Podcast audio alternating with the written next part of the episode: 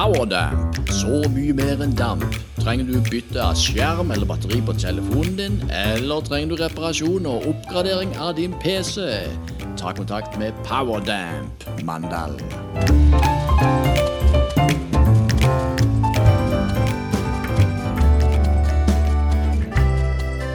Skjærgårdspodden med Thomsen og Loland.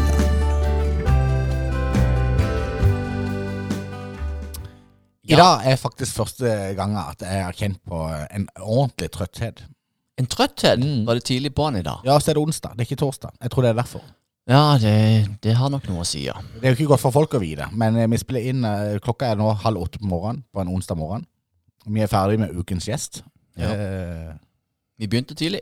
Før syv. ja, det, det er jo enda mer eh, ulogisk. Nå prater jeg jo Altså, dette er starten av sendinga. Vi er ferdig med ukens gjest, sier jeg. Eh, med klipper og limer. Det er helt sinnssykt. Helt sinnssykt. Men blir du i julestemning når du hører julemusikk? Eksempel Sølvguttene synger Ave Maria. Nei, Å nei. det gjør jeg ikke. Da blir jeg bare Da, da kjenner jeg nesten jeg blir provosert. Eh, Ave Maria og Sølvguttene har jeg ikke, eh, ikke noe godt forhold til noen av de.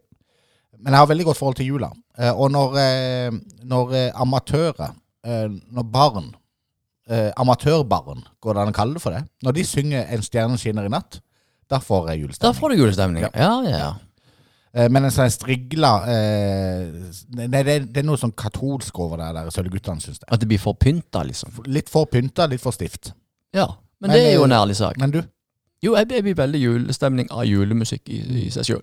men Ave Maria, er det julemusikk? Nei, altså, jeg, jeg, jeg hørte den på radioen på vei til ned her. Ja. Så, så sang de Så det ble litt julestemning. Det er kanskje bare fordi det var kor, jeg vet ikke. Ja, I går så jeg faktisk at det var et program på NRK som heter Hoppa glatt over. Det var jo eh, Kurt Nilsen sammen med KORK. Det føler jeg jo liksom går litt på repeat. Ja, det switcha jeg jo vekk fra. Ja, Eh, der var vi i samme båt. Ja.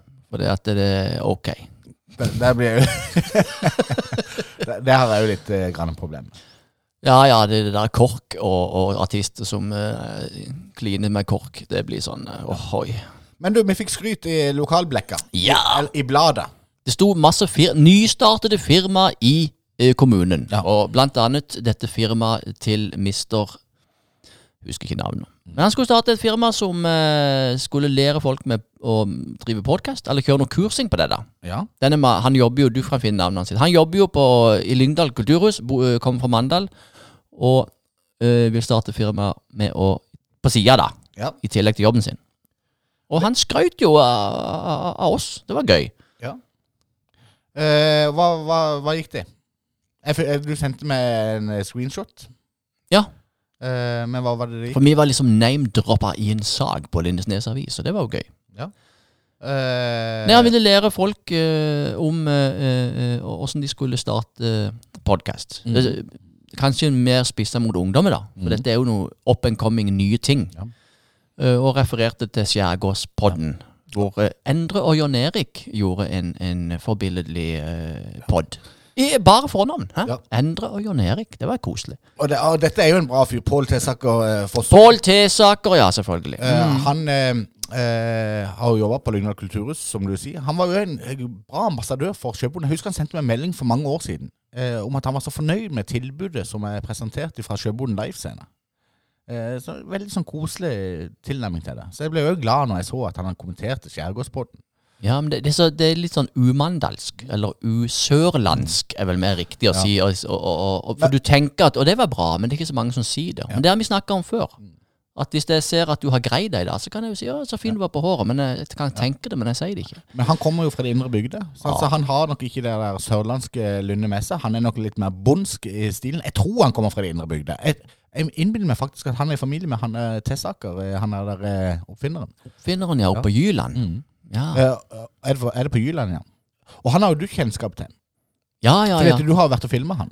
Var, Før Riksmedia heiv seg på. Ja, i spede begynnelsen av Tare TV den Ja, gang. ja. Så var jeg oppe der på gården og filma eh, hans oppfinnelse og gården. og hadde, Det var veldig gøy. Erik Alfred, er det det han heter? Så jeg Erik Alfred, ja. Ja.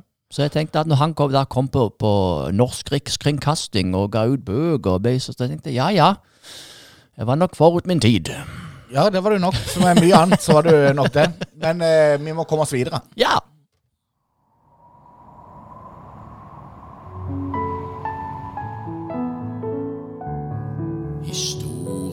soon.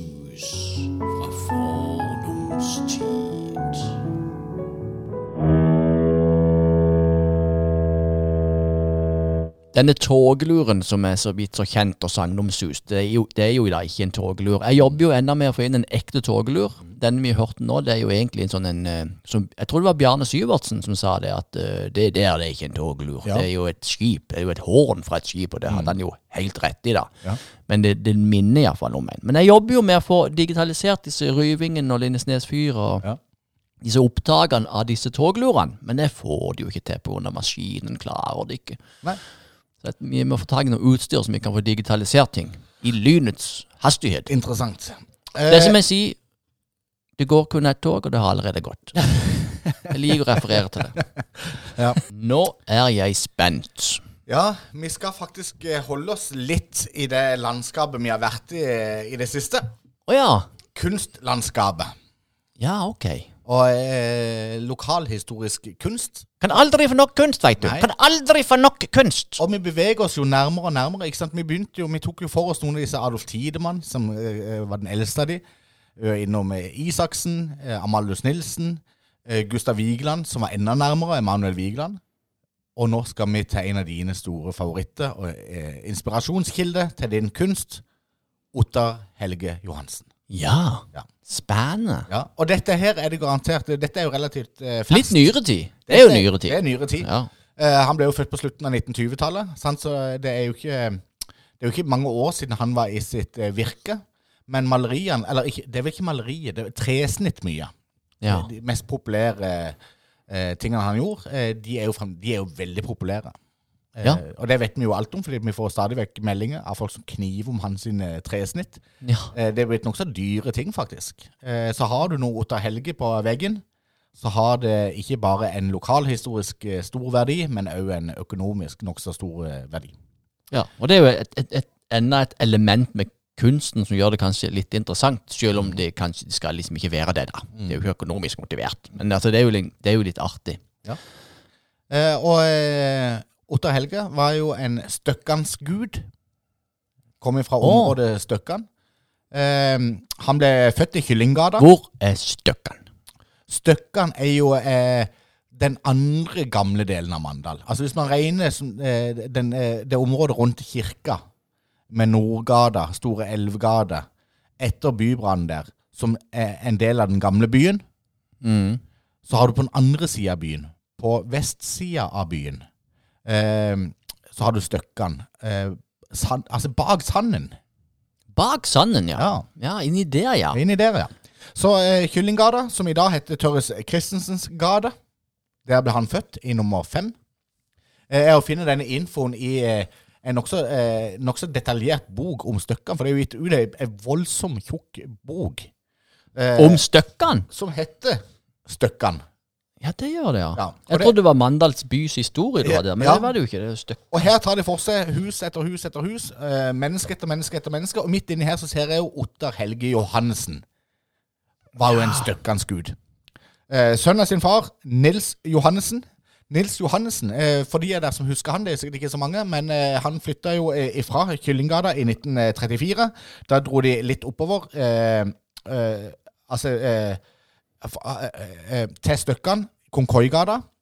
Eh, han var jo en svært religiøs mann. Otter Helge beskrev jo sin far Nils Johansen, som en eh, dypt religiøs mann. Ja. Og Nils Johansen, pappaen til Otter Helge, var kjent for sin eh, absolutte hederlighet. Står det å lese i boka om eh, Støkkan. Eh, en utrolig hederlig type, men liksom konservativ, religiøs kristen.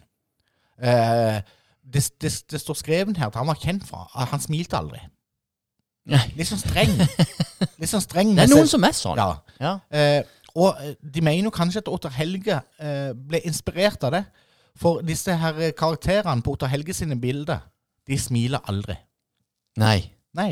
Men han var ikke en smiler sjøl heller. Eh, var han ikke det?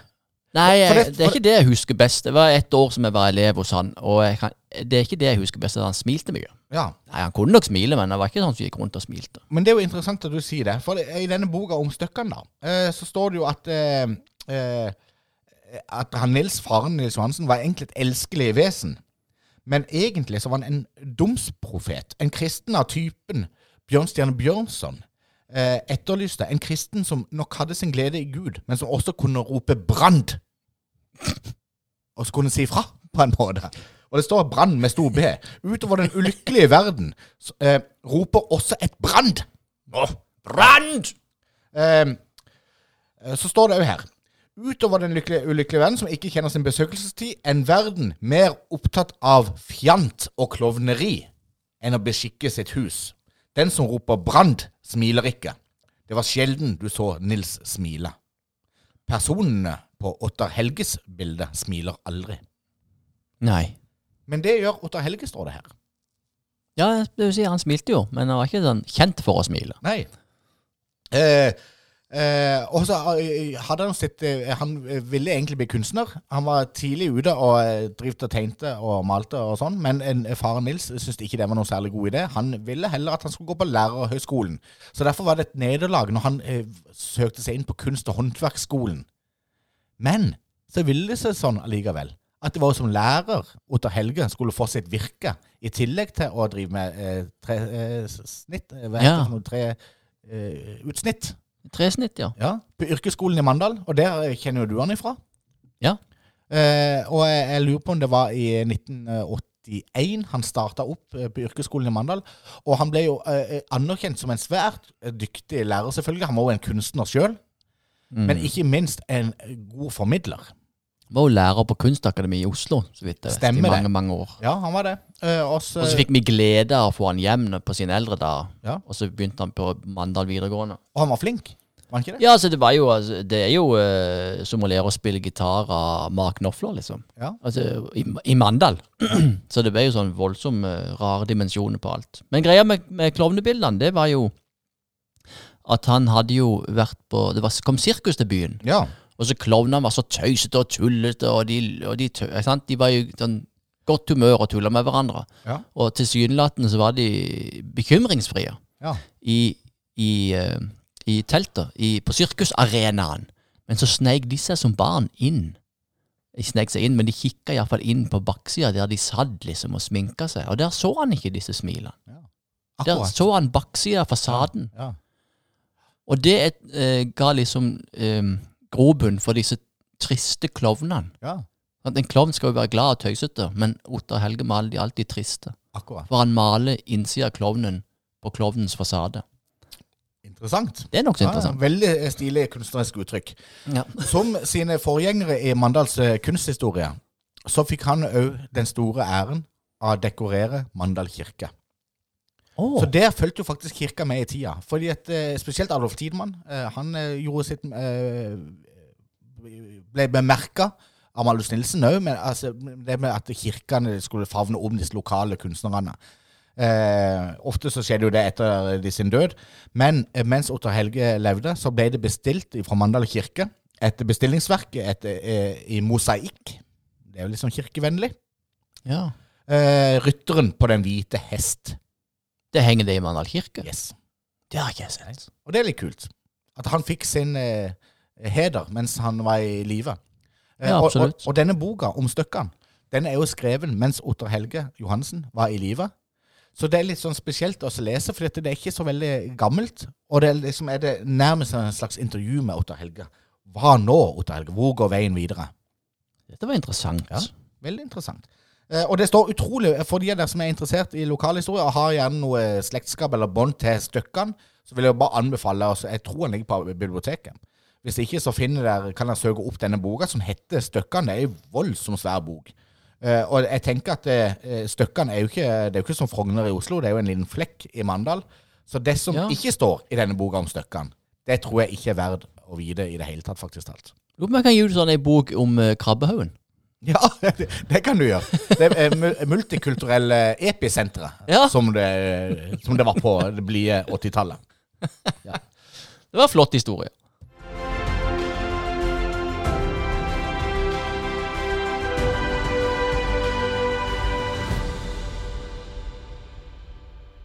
Ja, det var dagens historie, Jon Erik Loland. Å ja, jeg trodde vi skulle ha en pause nå. Nei, det skal vi ikke. Ikke riktig ennå. Snart skal vi ha det, etter ukens gjest. Eh, Men eh, først så skal vi tenkte jeg vi skulle eh, få introdusert eh, denne mannen her. Jeg gleder meg litt til det. Ja. øh, ja. Skal du introdusere han før han kommer? Nei, jeg skal ikke introdusere den. Jeg tenkte vi bare skulle prate oss inn mot. Inn mot, ja. Så drøse inn, ja. Ja. Ja, jeg mista helt uh, oversikten. Da. Ja, for nå Ja. er liksom regien der at uh, vi skal inn i en spalte som heter Ukens gjest. Det er den uh, 43. gangen på rad vi har den spalten. Den pleier å komme som noenlunde her. i Men hva har du gjort den siste uka, da? Hva har jeg gjort den siste Ja, det har vi jo ikke hatt i dag. jeg har flytta. Du har flytta, ja. Jeg har flytta. Det har vært en heavy prosess. Så det kan du ta litt om før gjesten kommer. Ja, det har vært en voldsom prosess. Eh, det, er, det er ikke bra for meg å flytte. Jeg, Nei. jeg bryr meg ingenting om hvor jeg bor. Det merker jeg. Det, det kjenner jeg meg eh, igjen på. At jeg trives veldig, veldig godt eh, nesten hvor som helst. Jeg tror det skal mye til for at jeg ikke trives. Altså, jeg er ikke avhengig av å ha eh, Jeg må ikke ha haven sånn. Jeg, ikke, jeg må ikke ha en garasje som er sånn. Jeg må ikke ha det sånn og sånn. Jeg må ikke ha hvite vegger. Det må ikke være sånn og sånn. Du må bare ha et reir. Jeg må ha et reir. Ja, eh, det må jeg. Det må alle mennesker ha. Men jeg blir prega av prosessen. Flytteprosessen. Ja, ja, Den, den gjør meg rett og slett eh, vond eh, og kvalm og eh, engstelig. Jeg vet ikke hva som, hva som skjer, men det er noe med Der har du den opprivende greier. Ja, for du vil jo helst ikke eie noe, men der si, der har du den ene lille fordelen da med, med å eie noe, Ja. der du slipper å flytte. Kan du bo der helt til du dør. Så det er jo en fordel, da. Men du- hele uka har jo egentlig gått med på det. For da har du flytta fra Brobakken og ut til Stjerna, og så inn på Ima. Og så plutselig ringer de og sier at "Det, nå skal vi selge huset, eller vi skal, vi skal bruke det sjøl. Så må du flytte igjen.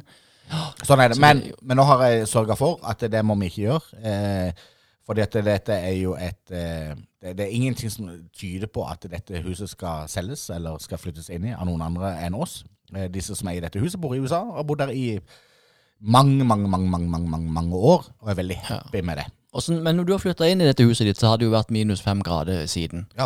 Eh, Er det varmt? Er det greit? Du, det, vet du hva, det er en kjempefordel med dette huset. Dette er jo et hus som er er bygd på Ime på den tida Ime ble bygd, sånn det er slutten av 70-tallet.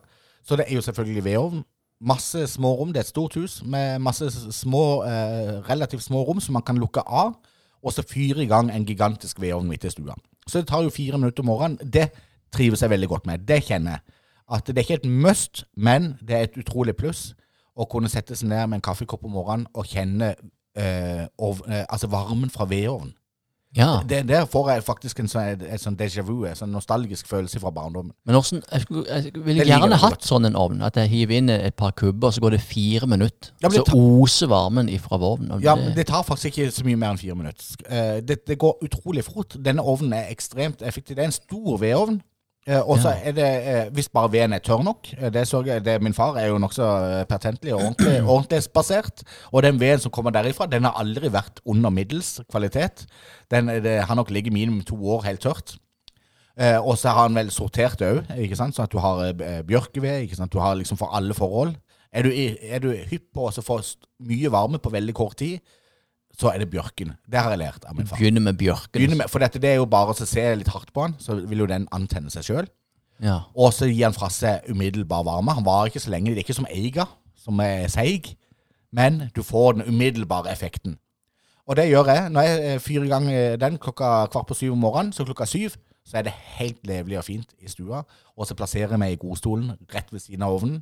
Men har du på noe på natta, da? Har du, har du ikke på noen ting? Ingenting elektrisk?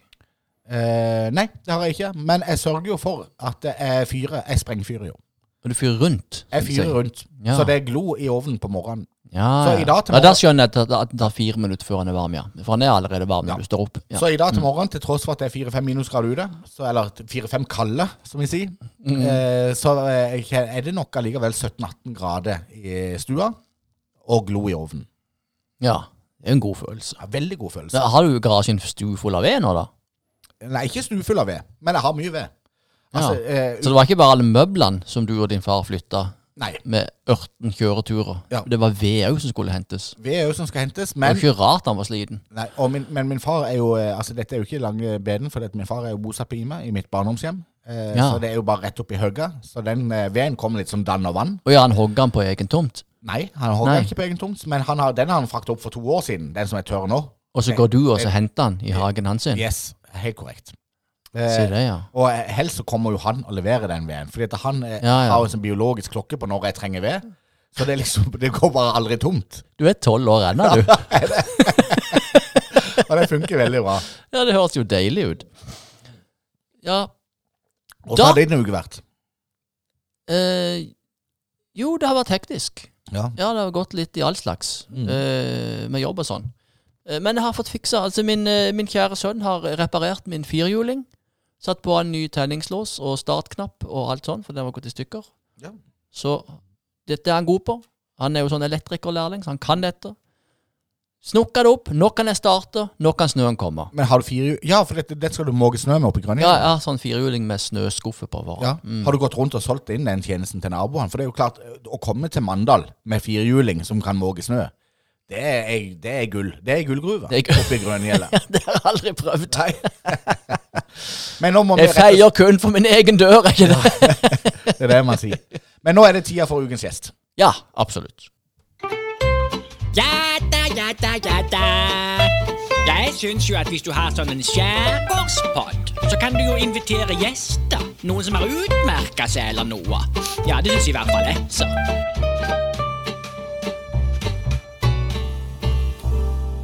Vi har skryta i eh, 43 episoder nå at vi skal liksom ta steget ut av eh, distriktet. Ut i distriktet. Ja. Ja. Nå skal vi det. Og endelig skal vi gjøre det. Og så går vi bare rett opp på toppen av pallen med en gang. Vi får tak i kanskje eh, gjennom de siste tre-fire årene siden før eh, kommunesammenslåinga eh, starta, uten å røpe for mye, så er det kanskje det navnet som folk forbinder mest med Marnardal. Lurer på om det er riktig om Marnardal. Det kan han kanskje svare på sjøl. Ja. Men vi presenterer den. Ukens gjest er Torgeir. Hagestad. Ukens gjest i Skjærgårdspodden er doktor Torgeir Hagestad. Han er svært skeptisk til fremgangsmåten ved kommunesammenslåinger i kongeriket Norge. Ukens gjest Torgeir Hagestad. Velkommen, Velkommen. i studio. Takk skal dere ha. Ja, Det var utrolig hyggelig at du kunne ta turen ned til, ned til kysten. Ja, du vet, det er ikke så langt. Det er gjennom kortere ned, eller det er opp. Ja. Jeg har veldig lyst eh, eh, Når Torgeir Hagestad eh, Jeg leser jo, jeg følger deg jo på Facebook, og jeg leser jo alt det du skriver. Så jeg har veldig lyst til å introdusere det. Så jeg har veldig lyst til å hive på sånn litt sånn Torgeir Hagestad. Fordi at du skriver konsekvent på nynorsk. Ja, Iallfall på Facebook. Ja. jeg skriver 99% på nynorsk. Ja. Ja. Er det, er, er det sånn en bevisst politisk eh, handling, eller er det rett og slett fordi at eh, du er født og oppfostra med nynorsken? Ja, det er vel mest med at jeg hadde nynorsk på eh, barneskolen. Ja. Eh, nå skifta jeg i eh, ungdomsskolen, da de, alle de andre gudene skulle det. Eh, og så skrev jeg bokmål eh, både i, på gymnaset i Mandal og på studiet. Og når jeg kom ut i, i turnustjeneste, så eh, hadde jeg et sånt eh, stigende eh, ja, En slags kjensel av det at eh, jeg skrev dårligere enn jeg kunne gjort. Ja. Jeg så eh, jeg ville heller begynne å skrive litt mer som jeg tenkte, og da eh, begynte jeg å eh, Eller jeg la om fra en dag til den neste. Og så tenkte jeg det ble sikkert rart, men det, det satt som et skudd, det. Ja, Så, ja, ja. eh, og det, nå er det en mm, 25 år siden, så da hadde det blitt eh, senere. Ja. Og så prater du jo litt nynorsk. Legger inn et kjensle. Ja, eller eh, jeg gjør vel ikke det, kanskje, men eh, det kan hende det, påvirker. Jeg vet ikke. Du smalt inn et par der, jeg hørte. Ja, ja. Eh, Jeg skal ta det opp hver gang jeg merker det nå. Men du er lege? Det er jeg. Ja. Mm. Med pasienter, da sier du God morgen. Hvordan er kjenslene dine i dag? Nei, Kjære pasient. Jeg gjør nok ikke det. Nei. Jeg, jeg pleier ikke å si det. Men jeg, jeg tror kanskje ikke det er så veldig stor offentlig interesse akkurat hva jeg sier på kontoret. Hvordan du tar imot pasientene om morgenen. Det tror jeg det er stor interesse for. faktisk.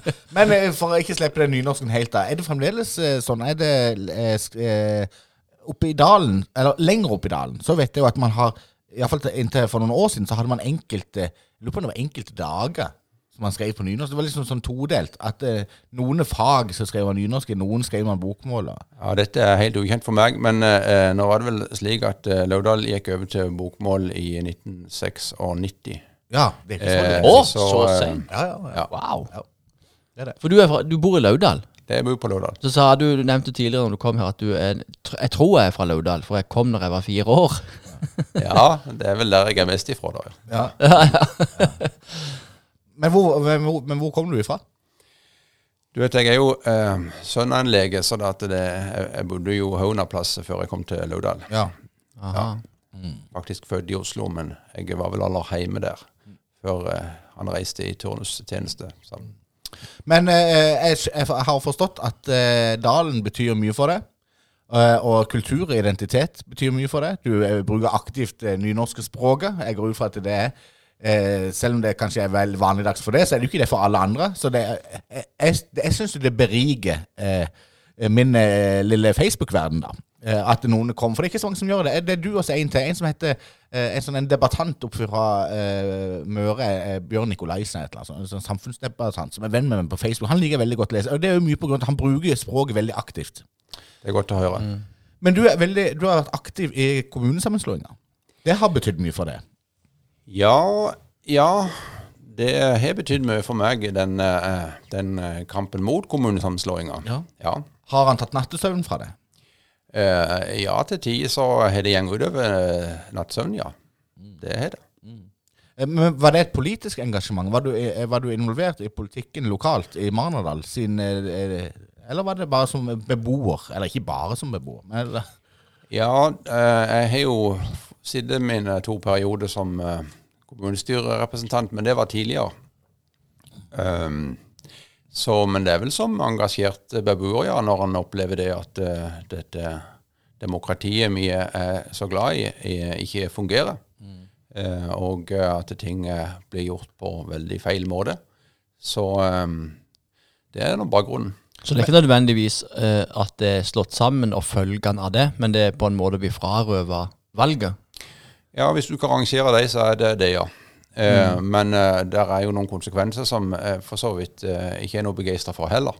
Eh, men eh, det, er, det er den, eh, det er den overkjøringa av demokratiet som her har funnet sted, som er mitt hovedpoeng. Ja, Men for, for folk som ikke har satt seg inn i sånn, å, sånn rent sånn praktisk det foregår med kommunesammenslåing, er jo en av de.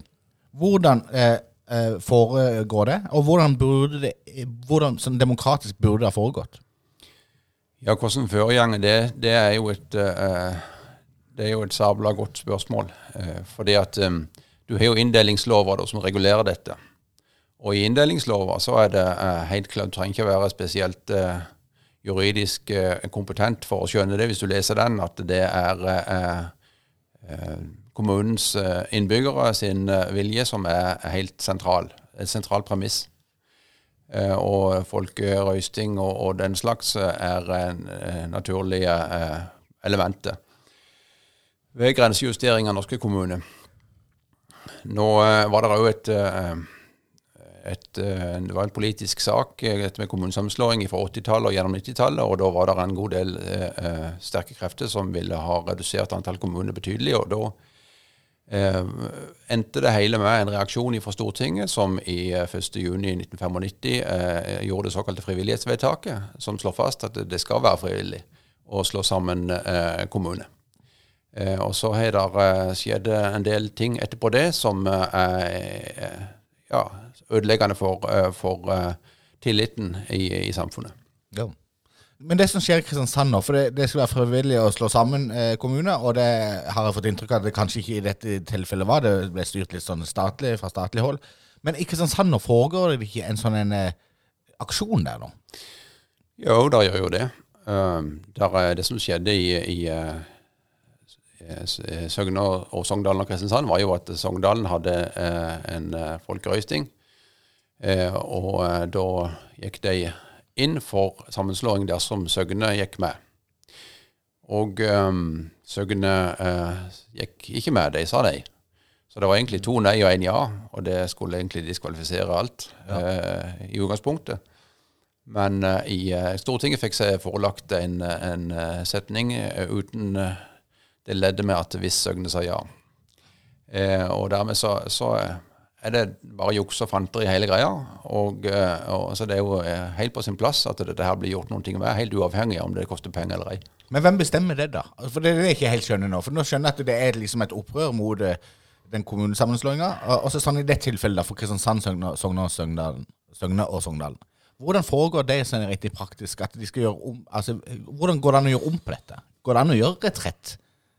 Ja, det er jo Stortinget som må, må vedta, men det, så er det jo eh, departementet som da eh, behandler eh, denne, denne prosessen, da. Eh, sånn at de søkte jo til, eh, til eh, Kommunaldepartementet.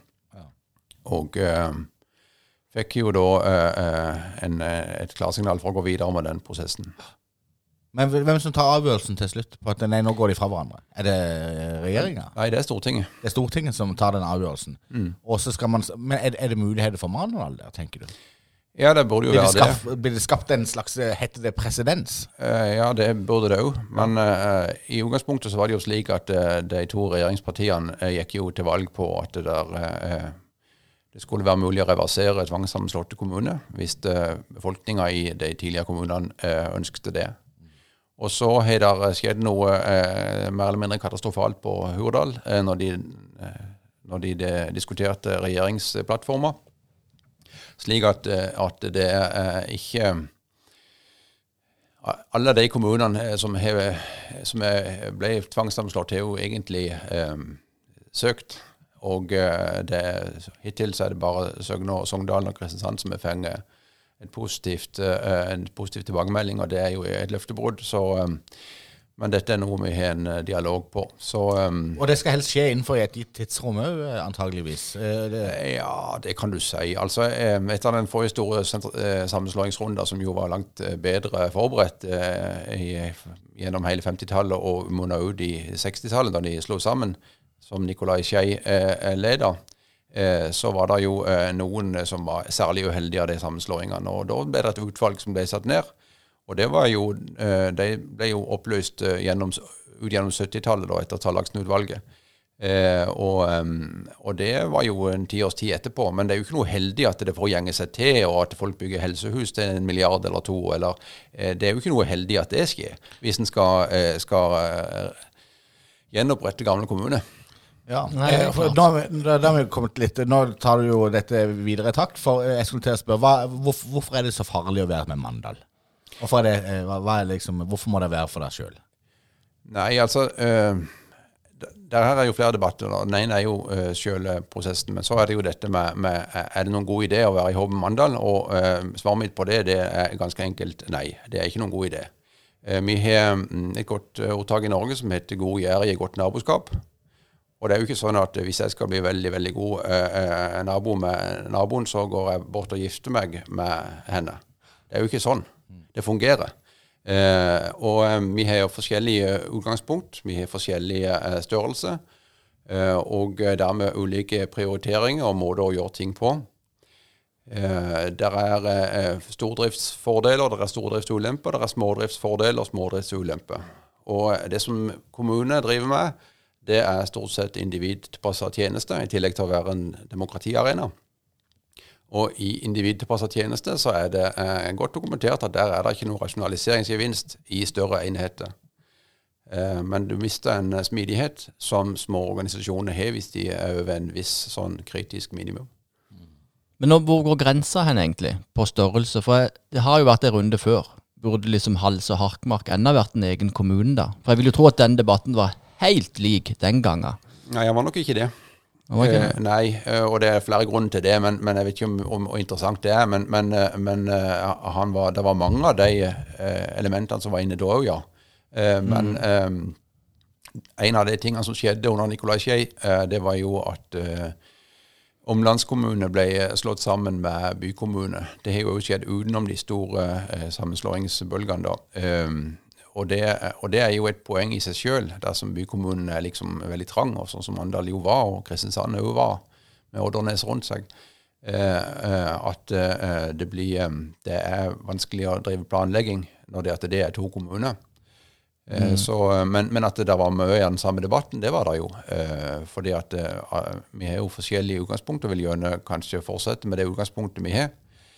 Men hvis en tar dette som en sånn konservativ eh, protest, da, så er det jo verdt å merke seg at, eh, at eh, når vi gjorde den undersøkelsen nå nylig, at de, ringte rundt til et representativt utvalg, så viste det jo noe ganske overraskende. Og det ble Infect som gjorde undersøkelsen, det ble veldig eh, for stygt for det. Og det var det at det var de unge, opp, opp til 44 år de var eh, klart mest negative til sammenslåing. Ja. Og det var eh, helt motsatt av det som, eh, som var tilfellet i hele resten av landet, så det er litt sånn unikt. Ja, ja, ja. Det Ja, kan jeg tenke meg. Ja, og det er på en måte overraskende, men samtidig så tenker jeg at det er jo eh, en god ting. eh, Og jeg tror eh, yngre og yngre folk er opptatt av identitet og kultur og tar vare på kulturarven. Altså, Verden beveger seg så kjapt. Det er, det er så mye som foregår at det er kanskje de unge som kjenner på Se den der miljøbevegelsen. Eh, De er yngre og yngre. ikke sant? Disse her skolestreikerne er åtte-ni år gamle som har tatt etter Greta Thunberg. Så jeg tenker jo at det lover bra for eh, fremtidas eh, engasjement, samfunnsengasjement. da. Men du nevnte så vidt Helsehuset. Eh, eh, det skjer jo antageligvis ikke nå, anyway. Og det er kanskje bra. Du kjenner jo virkelig på kroppen, både som beboer oppe i Laudal, men ikke minst som lege. Er, er det, kan du allerede se konturene at tilbudet, tjenestetilbudet i distriktene, lider de under storkommunen? Ja, det kan du uh, se, ja.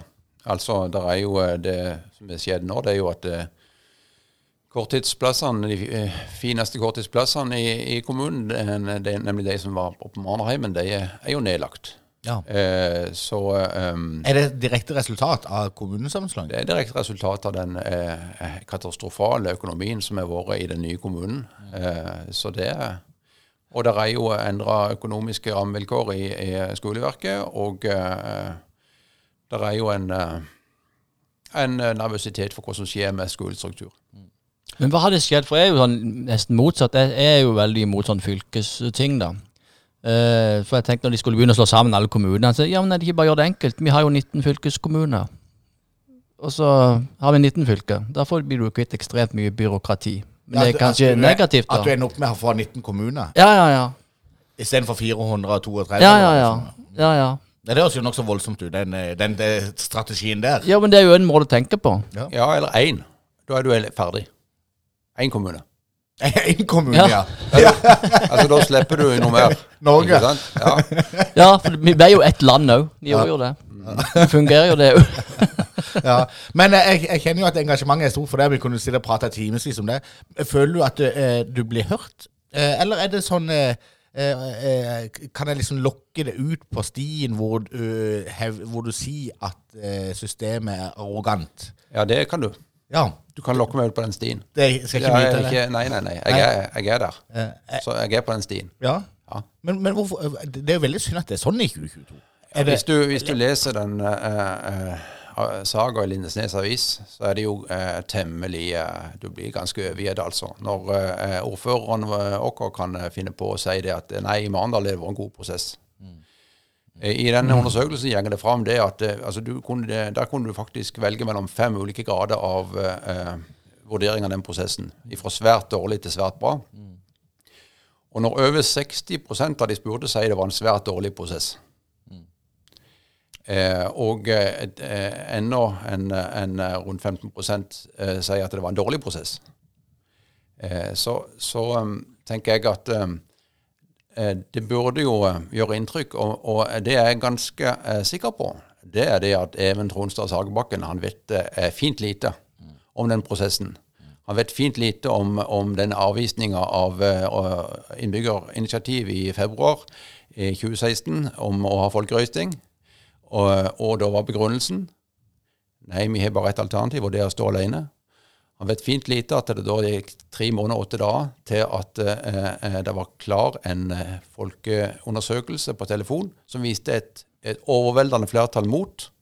Og før dette ble offentliggjort, så kom der da, men, mens eh, kommunestyret visste det, den 10. mai, et benkeforslag fra en, eh, fra, eh, fra en tilhenger av, eh, av eh, kommunesammenslåing. Og så ble det vedtatt på benkeforslag, eh, rett og slett. Som, altså, det sto ikke på sakskartet. Og eh, det var da tre måneder etter at denne initiativet om folkerøysting ble avvist på bakgrunn av at vi hadde ikke noe annet alternativ enn å stå alene. Så der, det var altså prega av inkonsekvenser og luring og, og, og logiske brister hele veien. Så kunne snakke og snakke og snakke om den prosessen, eh, men jeg ikke visste at detaljene er så interessante. Nei, men jeg syns det er litt interessant at eh, for politikere syns det må ansvarliggjøres i høyere grad. Eh, og hvis, man, hvis, man, hvis det er som du sier, da, at ordføreren blir sitert på at det har vært en god prosess, og det med demokratisk tilnærming faktisk talt ikke har vært det, og det har det jo svart på hvitt, at det har ikke vært en god prosess, så er det jo en ren og skjær bløff. Ja da, men uh, han kan jo blitt sitert feil. Det må jeg jo ta høyde for. Eh, og, um, men uh, Men allikevel så føler jeg jo det det systemet gir uttrykk for. At dette har vært en sunn prosess. Og så nesten sånn at ja, det er ikke noe valg. Dette er det beste for oss. Jeg har jo ikke hatt noen så veldig sterke følelser rundt dette her, men det kjenner jeg jo nå. Nå kjenner jeg jo at i løpet av eh, ca. 15-16 minutter så ble jo jeg en motstandsmann. Jeg har lyst til å gå ut i godt. krigen for Marnardal. Ja, Du vil ha de vekk fra, fra kommunen vår? Nei, jeg vil ikke ha de vekk. Jeg vil at de skal få lov til mer for seg sjøl. Men når, alt er, når, alt, når røyken har lagt seg litt nå, han er jo, det ligger jo ennå ulme da, men, eh, men så synes jeg det er veldig stas, jeg synes jo det er veldig stas å ha blitt, at Marnardøle og, og Lindesnesværingen har blitt en del av, av oss, eller at vi ble en del av Mandal som Lindesnesværing videre. Altså, jeg synes jo det er flott at vi har kommet sammen på en måte. Men jeg ser jo at det er noen eh, eldreplasser og litt sånne ting som har skjedd som ikke er bra, vil jeg jo tro. Ja, da kommer det jo da eh, framlegg Vi har jo helt forferdelig økonomi, ikke sant? Det er jo, det er jo kjent. Og nå er det jo eh, framlegg om å selge da eh, Marnardals tusenårssted, nemlig Høgtun, en av to eh, gamle folkehøyskoler i tre som stender. Eh, og eh, det er ganske eh, temmelig, det er ganske bøst, vet du. Men jeg, eh, har et forslag jeg kan komme med her på direkten. Og det, eh, og det er jeg helt sikker på at de får mye mer for buen. For buen, ja. Ja, det er jeg helt sikker på, for de får ikke så mye for, for Høgtun. De får mye mer for buen. Interessant forslag. Ja. Avslutningsvis, nå, nå fyker jo tida av gårde her. Eh, Vi er nødt til å spørre hvordan er det å gå på arbeid, og hvordan er det å jobbe eh, sammen med en ren og skjær som podkastkjendis, eh, som dr. Lindan har blitt? Eh, for han har fått en status eh, svært få andre leger i Norge har. Han har en glans rundt seg, og det det er veldig fint å jobbe med, med eh, Stian Lindland. og Det var fint før han ble kjendis òg, Ja. faktisk. Har han holdt beina på jorda? For det er, det er jo han også, han der, der Wasim. Han er der som stiller opp på alt som reality-show. Han er Ja, inne i Oslo. Uh, nå så han var med på årets julekalender på NRK òg. Stemmer. Det er liksom ingen grense. Nei, det er, men det er ikke lenge, vet du, så er Stian på julekalenderen. Ja. Jeg vet det var Men uansett, tusen takk for at du tok turen, og tok deg tid. Det var bare hyggelig å bli spurt. Og lykke til med kampen videre, for, det går, for den er ikke over. Den er ikke over, nei.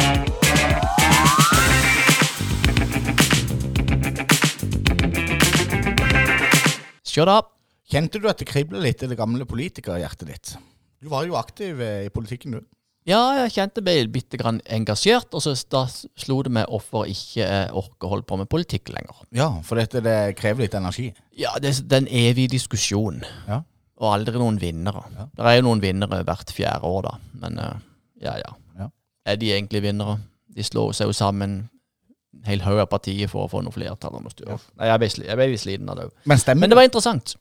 Stemmer du? Ja, ja. Ja. Uh, man må stemme, hvis ikke kan man ikke klage. Det er sant. Jeg har aldri stemt. Nei. Jo, en gang har jeg stemt. Fordi jeg, hadde med en, eh, jeg skulle trene med en ungdom jeg jobba sammen med. Han skulle trene på å sosialisere seg sjøl. Og så tenkte det var det valg. Og så tenkte det Ja. er som vi dro til Nådeland eh, skolehus. Eh, han tilhørte den kretsen der. Ja, ja. Og så sa jeg at nå skal vi øve oss på det, og så stemme det. Viktige samfunnsoppdrag. Og så slo det meg da jeg kom inn der i en alder av 37 eller noe sånt. 38. Jeg har aldri stemt for i mitt liv. Så jeg måtte òg gå inn i en bue. Jeg var nokså nervøs på om jeg skulle få det til. ja, du fikk det angsten med i gang. Men så har jeg liksom. stått på en haug med liste. Å ja, du har stått på liste? Ja da. Ja. Ja, ja. Men du er jo en nokså rund person. Både Miljøpartiet De Grønne og Venstre. Nå kanskje Har ikke du litt lett for å bli enig, å være enig med siste taler? med en gang. Ja. Jeg blir helt eh, Altså, jeg er utrolig lett å overbevise. Eh, Jeg kjenner jo nå at det er jo en eh, Etter Torgeir var her, så er jeg jo veldig fan av den opprivninga fra storkommunen. Men, blir- Nå nå har jeg lyst til å skrive leserinnlegg til Lindesnes Avis på vegne av Marendal. Ja, ja. Ta kampene for andre. Men det, det slo meg faktisk, eh, hvis det er lov å si. eh, Ikke la den ligge helt død. Eh, fordi at det, det, det handler litt om eh, Det handler nokså mye om følelse, tror jeg. Det handler om identitet. Det handler om eh, kulturarv som står i fare for å bli forstyrra. Jeg er jo veldig eh, sånn eh, ambassadør for Mandal, eh, patriot. Hvis det hadde vært sånn at Mandal ble satt i den posisjonen av f.eks. Kristiansand, Nå skal vi slå sammen med Kristiansand kommune. Ja, det hadde nesten gått rundt for meg. Ja, og Da kan du forstå åssen de har det. Akkurat, de nøyaktig. Mm. Fordi at dette har ikke gått inn på meg at Lindesnes og Marendal har blitt en del av Mandal, eller er blitt en del av storkommunen Lindesnes kommune. Fordi at det plutselig er Mandal storebror. Men hvis vi skulle ha blitt underlagt sånn som Søgne og Sogndal ble gjort til Kristiansand, Jeg hadde hatt store problemer med det. Så jeg har ingen problemer med å eh, forstå det følelsesmessige engasjementet til Torgeir Hagestad og hans eh, Ja, der og da så blir det jo sånn, da. Men etter hvert så hadde jo Mandal hadde jo alltid vært sin egen by, selv om det lå underlagt eh, Kristiansand kommune. Ja. Så det er jo ikke så Ja ja. Men jeg skjønner jo det at man føler seg overkjørt. Det skjønner jeg veldig godt. Mm. Men du, jeg prøver jeg tenk, I dag tenkte jeg nå er det jo snart jul, og, og vi må jo gjøre det litt julete. Du, Men det jeg får det ikke til. Jeg det klarer det ikke. Men det overrasker meg at du er så sinnssykt opptatt av jula. Nei, jeg bare Jau, men Jau, jau, jau, som de sa jeg. Men Er det bursdagen du gleder nei, deg det er mer at eh, for poddens del så syns jeg det er gøy at det skjer noe nytt. Jeg kommer til å være like Jo, men engasjert. når vi starta òg i dag, eh, så, så liksom det første liksom Ja, har du julestemning? Ja, Får du jul med Ave Maria og for nå er det noe nytt, liksom. Jeg kommer til å være like engasjert når påska kommer. Ok. Nå er det påske, så Yes. feirer du påske. Liksom noe nytt. Men la oss få på introen til julespalten, da. Ja. Ho, ho, ho. Ja, så var det jul igjen, da. Ja, dette er julenissen. Er det noen snille barn der ute? God jul. Se det. Se det. Ja. Nydelig Ja. intro. Og du har Du har eh, Kom du i julestemninga, den introen? veldig. Ja, det, det er helt umulig å ikke komme i julestemninga. Så der er du god.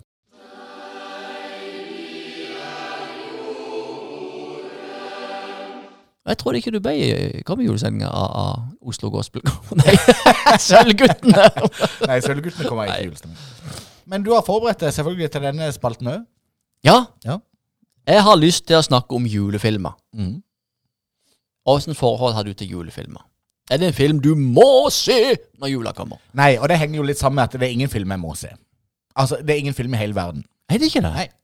Ingen, altså Hjemme alene, for eksempel. Det er ikke noen film som du liksom Jeg tror aldri jeg Den det er sett. gøy. Hæ? Nei. Åh, du har gått glipp av så mye. Men det vet jeg at mange kompiser det òg sier til det. Ja. Å, du har gått glipp av så mye. Jeg har det. Ja.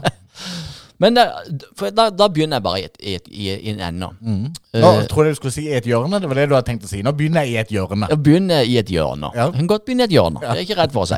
Neida. Men da er vi ferdig med Home Alone. Hjemme alene, som eh, for min del, den må jeg se i jula. Ok. Ja, La mi hjemme ser den. Det, Ja. det er gøy. Eineren, vel å merke. Oh, ja. Ja, toeren er faktisk òg bra. Mm. Men eineren eh, er viktigst i jula. Og så har du jo Die Hard. Er det julefilm? Gode, gamle Bruce Willis. Ja. Ja, for det er, en, det er jo en actionfilm. Ja. Uh, men uh, det, handler jo om jul. De skal jo hjem. Oh, ja. Det er jo, det, er jo derfor alt dette skjer. ja. Uh, så den, den må ses. Ok. Kun eineren. Nå, si- skal, skal du liste opp alle filmene som du mener folk Ja, ja. Og så skal jeg få tilbakemelding fra Endre Thomsen. Hva, altså, hva han ja. har Men du oh, ja, har jo ingenting å komme med. Du har er ingen preferanse helt på det. blank. Ja. Har du sett Skomakergata noen gang? Uh, ja. ja, ja, ja, det har jeg jo. Det er jo han der, der eh, Petrus. Henke Kolstad Ja. Ja, den har du forhold Ja, til. Den skal vi jo snakke litt om. Ikke så mye. han lever ikke ennå, han. Men han Nei. Nei. Det har jo ikke noe med saken å gjøre, men eh, bare, Nei. Ja. Men det er greit å vite. Han har i så fall vært utrolig gammel. ja, han har Ja. det. For han jeg var gammel da. Men Harry Potter, den har du selvfølgelig sett. Nei, det har jeg ikke. Ingen? Nei. Nei, men da, for jula kan jeg Ja, men anbefale ha- det, Harry Potter har ikke noe med jula å Det gjøre. har ikke, ingenting med jula å gjøre, men det er litt julete allikevel. Ok? Litt eh, staselig og magisk. Det er jo en magisk film, ikke sant? Ja. Eh, jeg har jo sett eh, Jeg husker jo da jeg var liten, så så jeg eh, eh, Narnia. Heter det? Ja. Det heter ikke det? Jo. Men den løva? Eller den eh, Eh, Helt uinteressant. Ja, ja. Men vil du se den i jula? Nei. Nei, du har sett den, Du vil bare si en film som du faktisk har sett. Ja, ja. det. Også eh, The Wedding Singer med Adam Sandler. Den så jeg i USA, eh, på flyet uh, til USA i 1998. eh, Der er det ikke noe valg. For, den, uh, for der, i den tida så var det jo ikke sånn at du kunne styre din egen TV-skjerm. Det var jo to TV-skjerm på hele flyet. Og da var det jo piloten som valgte hva vi skulle se på. Og da ble jeg tvungen til å se på den. Og enten har du et CD som er en halv meter fra skjermen, eller så sitter du bak halvannen meter fra skjermen. Ja, jeg satt enda lenger bak. Jeg tror jeg satt åtte-ni meter bak. Og den skjermen var ikke spesielt stor heller. Sitter med kikker. Ja. og så hvert femte minutt så kom det opp sånn et bilde av hvor flyet var kommet med sånn en strek over Atlanterhavet. Ja, ja, ja. Men hvis jeg da sier Rød snø med Kjersti Holmen og Thomas, eh, Thomas von Brømsen, eller hva det er? Eh, ingen bjelleringer. Oi. Nei. Er det jo en film? Det er en norsk serie. Miniserie. Oh, ja. Fantastisk fin. Ja. Eh, den bør ses i jula. Ja. Det er vinter, det er andre verdenskrig. De går over grensa til Sverige og bor på et sånn et uh, motell. Okay. Eller enda mindre, hva heter det for noe? Sånne små Ja. De hadde sånne små, litt stort hus da med flere rom. Ja, litt sånn bed and breakfast-aktig. Ja, vel, den må du se. Det er veldig koselig. Uh, Ja. Og så har jeg en til, mm. som du sikkert har, garantert ikke har sett. Den Men heller. Apropos rød snø. Eh, Mm. Er det, er det en sånn et, eh, er det, har noe med blod å gjøre? Eh, Er det derfor snøen blir rød? Ja, det er krig, og, og der skjer jo mord. Ja. Og- og, Og da tenker jeg, da får jeg assosiasjoner til Frank Zappa sin sang 'Don't Eat the Yellow Snow'. Og det tenker jeg, det kan òg være litt viktig for folk å tenke på når vinteren kommer og snøen faller. Don't eat the yellow snow. det kan være et godt tips. Men det er noen som sier Eat the yellow snow. Mm. It might be beer. ok, ja, greit. Ja. Ja. er jeg skal ha én referanse til. Mm. Uh, hjelp deg juleferie med Chevy Chase. Ok, Den har du sett. nei. Nei. Men er det samme serien som det er 'Hjelp vi flyr' og 'Hjelp vi skal på ferie til Europa'? dette her? Ja, ikke Litt hjelp vi flyr, men Jeg har ikke sett de heller, men jeg har hørt om det. Jeg husker jo det fra barndommen. Folk snakka livlig om de filmene der. Eh, og da var det han der, der eh, en sånn gråhåra en, tror jeg, som var med og spilte der. Sikkert Chevy Chase. da. Men, men eh, den må du se. Mm. Da er jeg ferdig med de. Ja. Ja. Eh, Og det- Veldig gøy å høre alle dine preferanser og glede over julens Ja. filmer. Det var Lolands eh, filmtips for jula 2022. Ja, men har du, har du noe jult? Vi er jo julespalten. Har du noe julete? Ja, kalendere. Ja. Ja, Det er jeg opptatt av. Har du kalender? Eh, ja, det har jeg faktisk talt. Men jeg har jo en nokså kjedelig utgave av en eh, Norsk Tippings flakskalender. Eh, men jeg lager jo alltid pakkekalendere. Du Og- gir vekk kalendere? Ja, altså til min sønn Ja. og til min kone. Som du lager sjøl? Ja, Oi. Ja.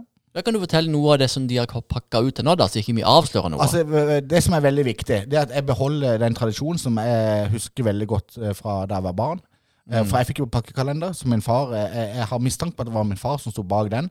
Og ca. hver tredje dag så var det lapp. Å ja. Og da var det eh, sånn eh, leieaksjon. Det sto for eksempel Pakken ligger ute ved, ved laget. Og sånn, ja. Og så Det måtte jeg gøy. ut om morgenen og leie etter den. Det Og det holder jeg i hevd fremdeles.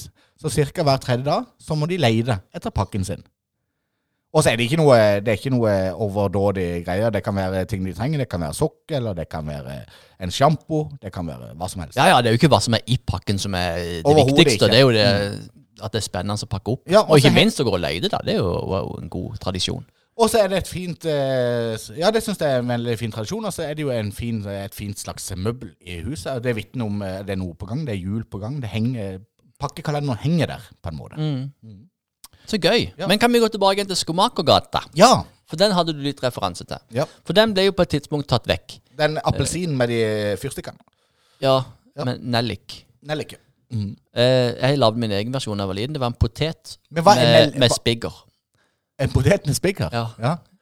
Det var det vi hadde i kjelleren. Vi hadde potetbinger, så hentet jeg en potet, og så hadde min far masse spigger.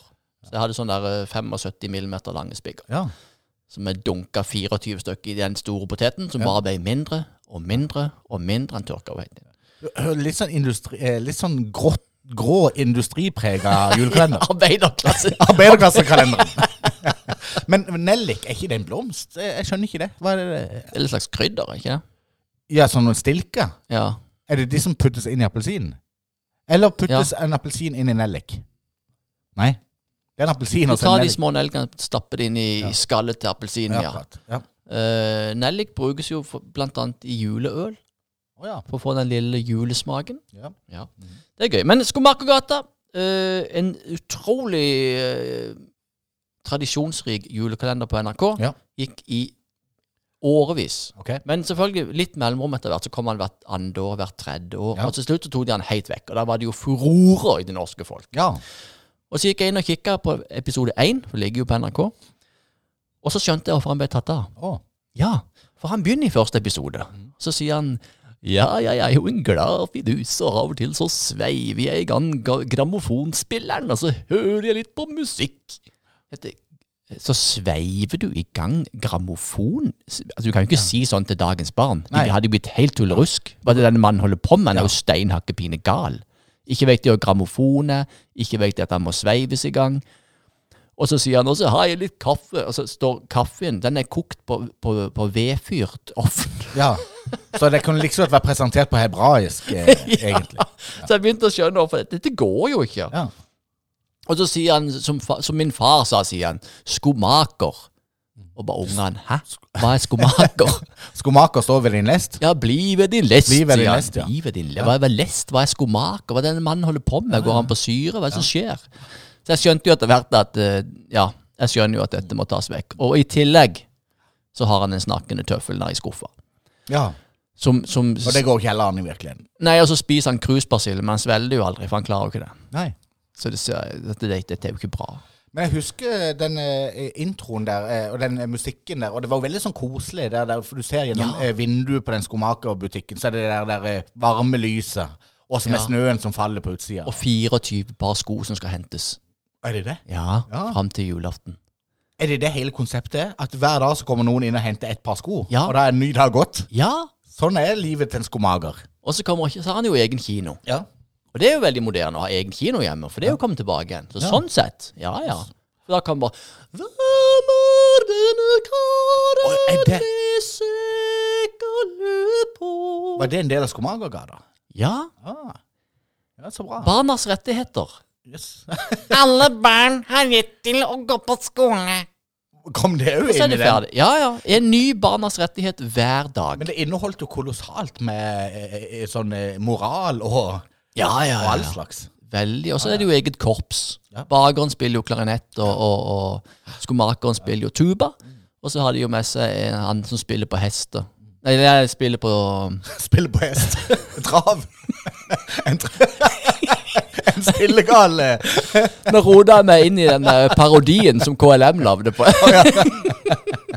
Men dette høres jo ganske annerledes ut enn eh, nissen eh, i bingen, f.eks. Det er veldig annerledes. Ja, litt uh, djupere, djupere Og så møtes jo disse inne hos for de skal ha julekonsert. Eh, han tredje på trompeten. Jeg lurer på om det er postmannen. Ja. Og, og så spiller de, og så ser du jo at det er ingen av de som spiller. De, de prøver ikke å late som de spiller engang. Fantastisk. Men eh, tusen takk, Jon Erik Loland. Du, nå kom jeg virkelig i julestemning. Ja, men det var jo Ja, godt. det skal du virkelig ha. Nå klarte du å plassere gamle, kjedelige Grå Thomsen inn i julestemninga. Så gøy.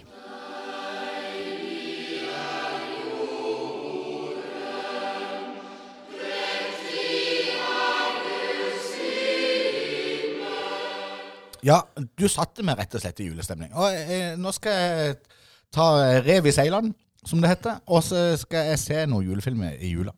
Så jeg skal ta kopiere den lista du har eh, presentert, og så skal jeg iallfall se en av dem. Det var gøy. Ja. Kan du komme med en tilbakemelding? Jeg tror jeg skal begynne med Rød snø. Ja, det vil jeg. Den er, den er god, Ja. altså. Men hvis du liker å se tilbake i tid, og så se hvordan de hadde det på Det er veldig sånn koselig og trivelig, i tillegg til at det er en krimhistorie. Så bra. Men du, eh, dagens eh, presentør av Skjærgårdspodden, Ja. Powerdamp. Powerdamp! Ja. Det er jo en koselig liten butikk. Ja, den introen ble lagd i dag. Ah, For de har stått i kø veldig lenge. For vi har Ja. hatt mange presentatører. Vi har mange samarbeidspartnere. ja, vi har det.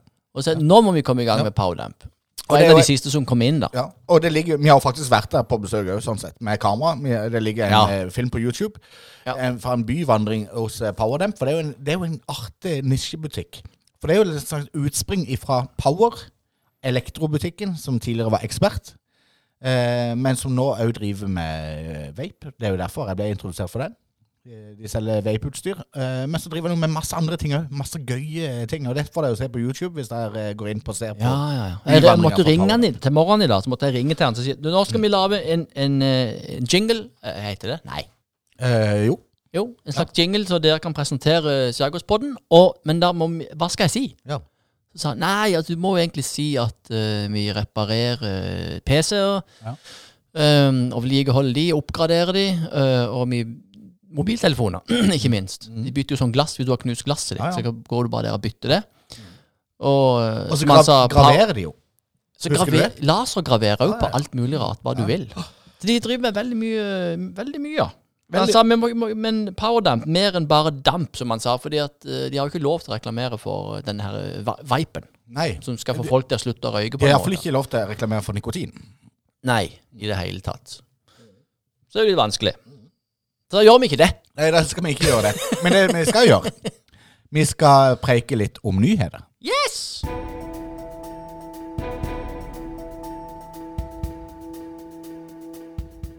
Og nå er jeg jo jeg veldig veldig spent på Skal vi østover? Vi skal litt øst. Ja, Eh, det ante meg. Ja. N247 uh, var på hugget. Mhm. Og ikke bare de. Øh, Mjavan.no, tror jeg det er noe som heter. Mjavan? Ja, Mjåvann. øh, Å ja. Slags ting. Ja. Jeg vet ikke hva det er for noe, men det er jo en nyhet. Ja. Men de, ja, for, Er det egen post for Mjåvann? For Mjåvann, altså ja, jeg begynte å lure, men jeg bare nevnte det. Fordi at de hadde jo sånn en grå vegg på, på Tradewind Solar. Det er sånn solcellepanelceller. Ok. Og så en som jobber der, driver og tagger. Ok. Skal få litt mer kjøtt på beina etter hvert. Mm. Men han øh, Ja, ja, graffiti. ta- Tagge, det heter jo ikke det. For det, graffiti. Det, det, ja, det er jo kunst, er jo. Ja. tagging er jo eh, forbundet med kriminell handling med spybox. Altså, det må jeg si unnskyld, altså. Mm. For dette er graffiti. Dette er kunst. Eh, så, så nå fikk de en, en liten uh, hull, så de fikk tid til å lage sånn uh, plakat for firmaet sitt på en grå vegg på Mjåvann, industriområdet. Hvem Også, fikk en liten hull? Tradewind Solar, dette solcellepanelfirmaet, fikk eh, litt ledig kapasitet. De har hatt ekstremt mye å gjøre. men Det har jo alle som driver med okay. solceller, for alle skal jo ha solcellepanel. Ja. Eh, og da måtte de få opp skiltet sitt. Ja. Og da eh, skrev han jo Tradewind Solar på, på veggen, okay. og så han Så graffiterte han, heter det det? det Et stort veldig bilde av Jesus. Oh, ja. Dette er jo midt i et kryss, så alle som kjører der nå på Mjåvann i industriområdet, ser jo Jesus. De ser jo lyset. Ja. Og det var jo det som var greia, da. Han, eh, Jesus står og holder Veien til evig liv på vei oppover industriområdet. På, på vei til Sørlandsskips. Ja. Ja. Så når, når folk skal finne dette her firmaet, så sier de bare 'kjør til du ser Jesus', så Ja. er du der. Ja. Og, og han, der står jo Jesus da og holder solcellepaneler mm. på veggen. Og dette tok jo helt av. Eh, for, for de ble jo kontakta av N247, mjavan.no og noe Sørnytt og noe Fevennen, og Ok. alle syntes dette var veldig, veldig Og gøy. hvem fikk saken? N247 Men jeg tror det er mange som har skrevet om det. Ja. Eh, ja. Mhm. Det var min sak. Ja, det var saken! Ja. Ja. Jeg, gled, jeg må si jeg gleder meg til vi får litt mer kjøtt på beinet, som du sier. For det var jo ikke, det var jo ikke all verdens. Eh, men jeg skulle òg lete etter sak i dag, men jeg måtte rett og slett bare gi meg. Fordi at dette er ei tung tid. Ei ekstremt tung nyhetstid.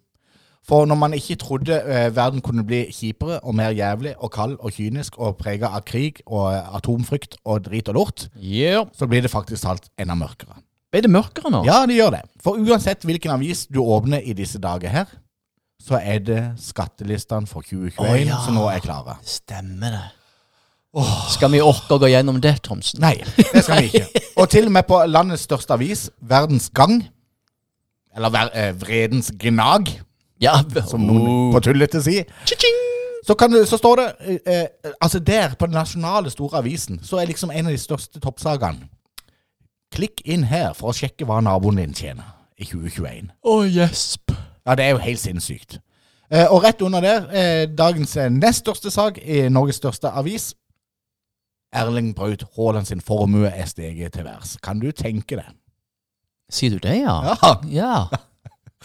Jeg klikker meg ikke inn på den. Nei, det er jo relativt Ja. uinteressant. Og jeg ser jo at lokalavisene hekter seg òg på. Lindesnes Avis, eh, vår eh, lokalblekke, Bladet. Eh, de er jo, eh, er jo eh, opptatt av skattelistene. Eh, og der kan Ja. du finne alt det du måtte lure på hva eh, sauebøndene oppe i Råsdal tjener, eller eh, Ja, eller Simon Valand, som er spiss på MK, har fått nye formuer. Jeg vet ikke hvor mye de tjener på å spille der. Nei, det er så tungt, dette. Så det får være mitt bidrag til nyheter. Det er at det ut med disse dumme nyhetene. Da slenger jeg inn en liten lokalsak til Ja. fra Lindesnes Avis. Uh, ja, og Skjærgårds Vi smalt jo ut en liten case på det, fordi at eh, vi kjente kapteinen. Så vi la ut en liten sak på oss òg, med at GOT sjøsatte sin største fiskebåt. På- Ja, Nærmere 300 tonn. ja. Men jeg skjønner ikke det. Et GOT, er det disse en fiskebåt? Driver de med Nei, de produserer båter. Og gjør de det? Lager de Ja, båter? ja, fiskebåter. Veldig mye for nordlendinger. De kommer helt fra nord og så får de produsert fiskebåtene sine i Mandal. Ja, det- Der- Der får de det de skal ha. jeg, har jeg hørt. Kjell Inge Røkke har jo produsert fiskebåt i Mandal før. Men det har jeg alltid tenkt det var skogs, skogsøybåt. Ja, men eh, ja, gamle båtservice. Ok? Hjørnesteinsbedriften Båtservice som flytta ut til Gismerøya, og som da ble GOT, eller kjøpt opp av GOT. Ja. Og så ble det jo sammenslåing mellom Skogsøy båt og GOT. Å ja, så de er der. Så det, er ikke, dette er ikke konkurrent til Skogsøy båt? nei, Nei, det, for nå holdt jeg på å bli litt trist, nesten. For Ja, jeg ja. tenkte, skal de ta over det stakkars Skogsøy båt? nei, det er Skogsøy båt. Ah, ja, ja, ja. ja, ja. Det er litt kult. Ja, så kult. Ja. Så det var, synes jeg var Det var en svær båt. Var det 40 tonn, eller noe sånt? 300, Nei, 40 millioner koster 300 tonn, ja. 300 tonn, ja. Registrert i Tromsø. Jesus. Sjøsatt i Mandal. Bygget i Mandal av mandalitter. Og hvem var først ute med den nyheten der om den sjøsettinga, med ferske bilder og video? Det var Skjærgården kultursenter. Ved journalist Jon Erik Loland. Ja, Og og fotograf Tommy Antonsen. Ja, og et par timer etterpå så heiv eh, lokalavisen seg på og snappa opp den. Jeg leste ingen steder i den artikkelen at denne er inspirert av det graverende arbeidet til journalist Jon Erik Loland i Skjærgårdsposten. Nei, jeg må det ikke gjøre sånn. Ja, det kan godt være det. Det er deilig.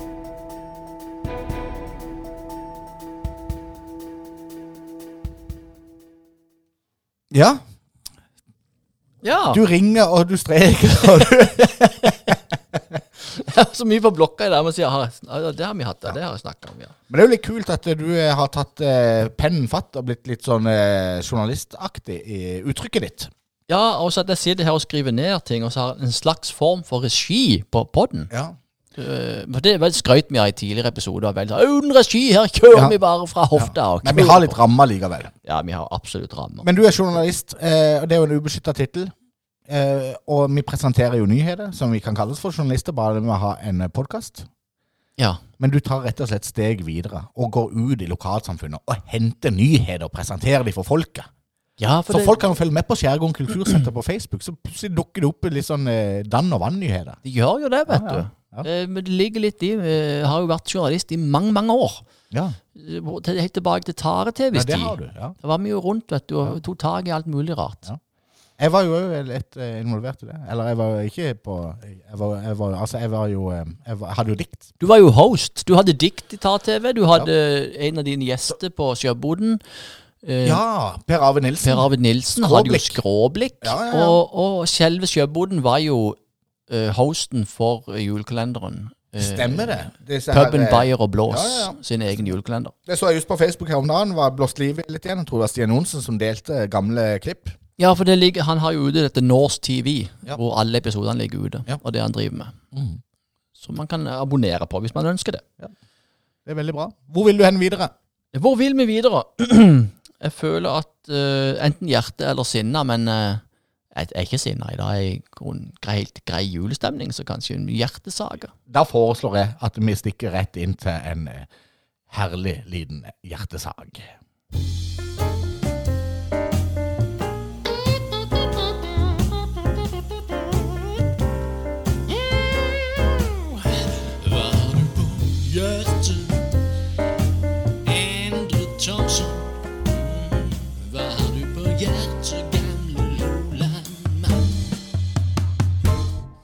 Ja, jeg har jo en eh, liten hjertesag eh, som jeg kan godt ta tak i mens den er fersk. Eh, og den er jo egentlig litt, eh, litt trist, syns jeg. Fordi at eh, det er jo eh, et eh, nyhetsbilde eh, som eh, er prega av mye eh, elendighet, syns jeg. Og i, lokalt så ser vi at eh, flere og flere ungdommer driver og slåss og herjer. Ja, uff a meg. Ja, og det eh, gjør noe med meg. Eh, og jeg vet ikke helt hvordan man skal løse det. Men jeg tror noe, eh, det, eh, noe eh, kommunen kan gjøre, vil være mye, mye tydeligere med fritidstilbud. Eh, må være mye flinkere til å etablere Jeg husker før i barndommen min så gikk vi på en plass som heter Maurtua, som var Ime-kjelleren. Kjelleren som lå under nærbutikken på Ime. Ja, Der hver fredag så var det Maurtua. Det var sånn fritidsklubb for barn. Og hver tirsdag og torsdag så var det Climb. Å, nå er det mange Ime-hjerter som holder på å smelte. Bare si ordet Climb. Det var diskoteket. Åh. Et ærverdig diskotek i mange, mange år. Og så var det sånn at på tirsdagen så var det de eh, voksne ungdommene, og det var nok disse som eh, gikk på videregående skole. Eh, 16 til 18 år eller noe sånt. 15 til 18 år. Og på torsdagen så var det de fra ungdomsskolealder 12 til 16 år. Så gøy. Ja, Men var det i fantastisk. kommunal regi? Nei, det var det ikke. Det Det var, var privat. eh, Jeg tror det var privat, men kommunen la nok til rette for at det kunne drives. Så jeg vil tippe at de ble subsidiert og sponsa, og det var jo Ja. veldig populært. Hele byen kom jo på Climb. Så dette var jo liksom på en måte forløperen til rockekjelleren. Så rockekjelleren hadde jo sitt eh, på fredagen, og så var det dette på tirsdag og torsdag. og så var det mørtua òg på fredag for de yngste barna. Og det er klart at da var det ikke så mange ting igjen. Og når jeg var sånn 12-13 år, og før vi begynte å gå på rockekjelleren, så hadde vi jo aldri noe i byen å gjøre. Nei, for vi hadde, ja, på Frøystand jo, så hadde vi noe sånn der som heter uh, Bikuben eller noe sånt. Ja, ja. Ja, sånn de diskotek på skolen der. Og jeg husker jo tilbake på dette som en helt fantastisk tid, og Ime var mer enn stort nok for å tilfredsstille våre eh, litt sånn vilske greier. Så vi trengte liksom ikke søke til byen for å søke spenning, eller for å henge, eller for Det var helt sånn utopi. Det var nesten skummelt å dra til byen. Og jeg husker når vi starta på Brokkjelleren, så var det sånn fellestransport. Og da var det familien Ardilles som eh, veldig ofte stilte, for de hadde den største bilen. Det var en syvseter, en eh, mintgrønn eh, Volkswagen Caravelle. eh, som Turid Sneve mønstra opp og kjørte oss ned til rockekjelleren og henta oss på avtalt tid. Så hadde vi liksom tre og en halv time der eh, i byen, liksom. Og det var mer enn skummelt nok. Men tror du det fins ildsjeler i dag? Tror du at hvis kommunen sa Altså, Nå går kommunen rundt. Så går de rundt da i, i Marnardal og i, i Lindesnes og i Mandal og, i Holum, og så finner de egna eh, kommunale bygg. Om det er barnehage, om det er barneskolen, eller hva det er. Og dette kan dere bruke. Her får, så får dere noen midler. De har alltid litt midler. Dere kjøper noen høyttalere og noe musikkanlegg og litt sånn. Og så litt lys, sånne diskokule dager. Ja. Og så hvis det er noen ildsjeler som eh, har lyst til å bare liksom, si, åpne døra og si velkommen, og passe på dem, og så låse etterpå, Det er ikke sikkert det finnes kan man kanskje få dette i gang igjen. Ja, mulig. Jeg vet ikke om, eh, om det har forandret seg. Nå begynner vi å bli den voksne generasjonen, så vi kan sette oss i den posisjonen sjøl. Ville vi ha gjort dette for våre barn? Ja. Det ville jeg absolutt ha gjort. Hvis det ble lagt til rette for at dette skulle være greit. Og kan du tenke deg noe så fint som å ha et sånn et eh, lokalsamfunn som møter opp Vi hadde jo kiosk, ikke sant. Alt eh, Nærbutikk. Ja. Den er jo vekk. Al- al- Alt er jo vekk. Fordi at alt lever jo og puster og ånder fordi at det har forringvirkninger. Kiosken var jo levedyktig fordi at det tre ganger i uka var en fritidsklubb rett ved siden av. Mm, mm. Så alt henger jo sammen. Så vi må begynne en plass. Eh, og jeg syns det er litt trist at disse her eh, bydelskioskene og eh, fritidsklubbene eh, bare ikke eksisterer lenger. Ja, det er jo det. og jeg tror ikke det har noe med sånn at jevnt på 90-, 80-, 90-tallet så var det en kultur for det. Vi må skape den kulturen, da. Vi må gi dem et tilbud.